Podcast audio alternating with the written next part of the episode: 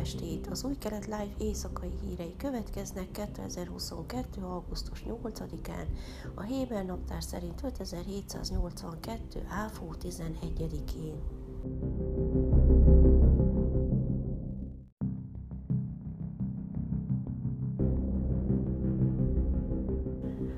Kormány elindította az eljárást a kártérítési kérelmek benyújtására a gázai övezettel való legutóbbi konfliktusban megsérült ingatlanok, valamint az újabb fellángolás miatt károkat szenvedett vállalkozások számára. A hajnalhasadás hadművelet miatti kártérítési igények immár az adóhatóságon keresztül is benyújthatók annak ellenére, hogy a palesztin iszlám dzsihád terrorszervezet 1100 rakétát lőtt ki Gázából a három napig tartó harcok során, nagy részt a vaskupola rakétavédelmi rendszernek köszönhetően, mely elfogja a lakott terület felé tartó lövedékeket, korlátozott károk keletkeztek az épületekben.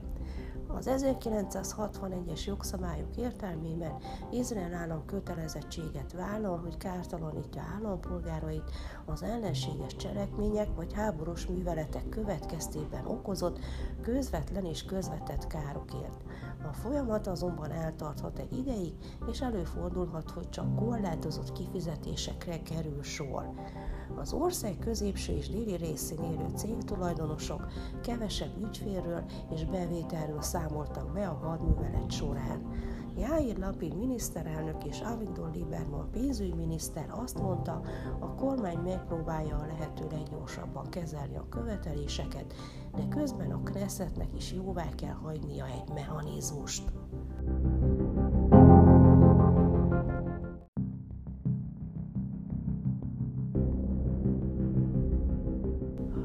2000 zsidó látogatott a Jeruzsálem óvárosában lévő templomhegyre vasárnap Tisha Beávkor, mely a szentély ugyanazon a napon történt kétszeri lerombolásának gyásznapja, miközben Izrael és a palesztin iszlám dzsihád terrorcsoport között harcok dúltak a gázai övezetben.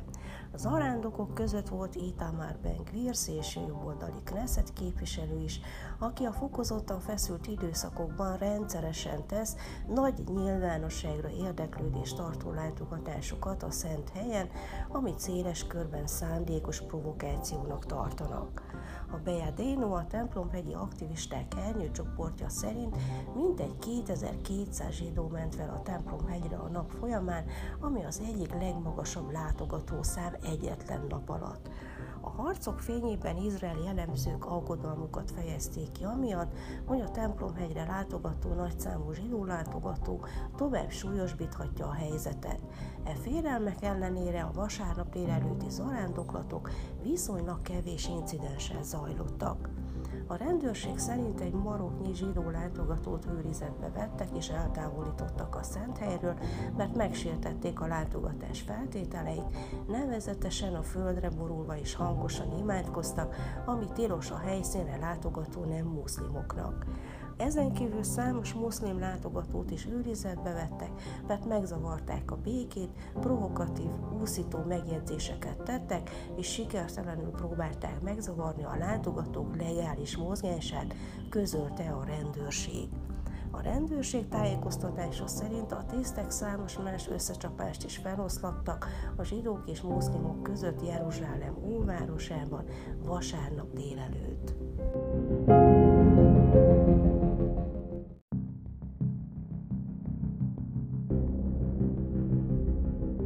Az államkassa július végével végződő 12 hónapos időszakában pozitív költségvetési töblete 9,7 milliárd sékel, azaz a GDP 0,6%-a volt, jelentette a pénzügyminisztérium főkönyvelője.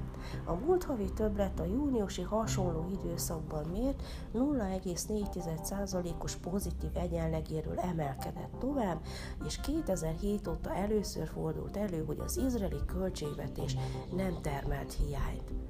Ezen kívül a júliusi költségvetési többlet 2,6 milliárd sékel volt, az év eleje óta összesen 34,4 milliárd sékel. Június kivételével idén minden második hónapban az állami bevételek meghaladták a kiadásokat. A 2021. júliusával záruló 12 hónapban a költségvetési hiány 44 milliárd sékel volt. Az idei többlet fő oka az adóbeszedés 21,7%-os növekedése január és június között, miközben a kiadások csökkentek, többek között a COVID-hoz kapcsolódó kifizetések megszűnése miatt.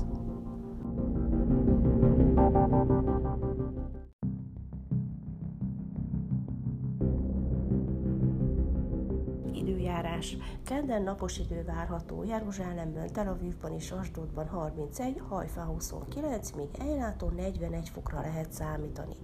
Ezek voltak az új kelet live hírei hétfőn.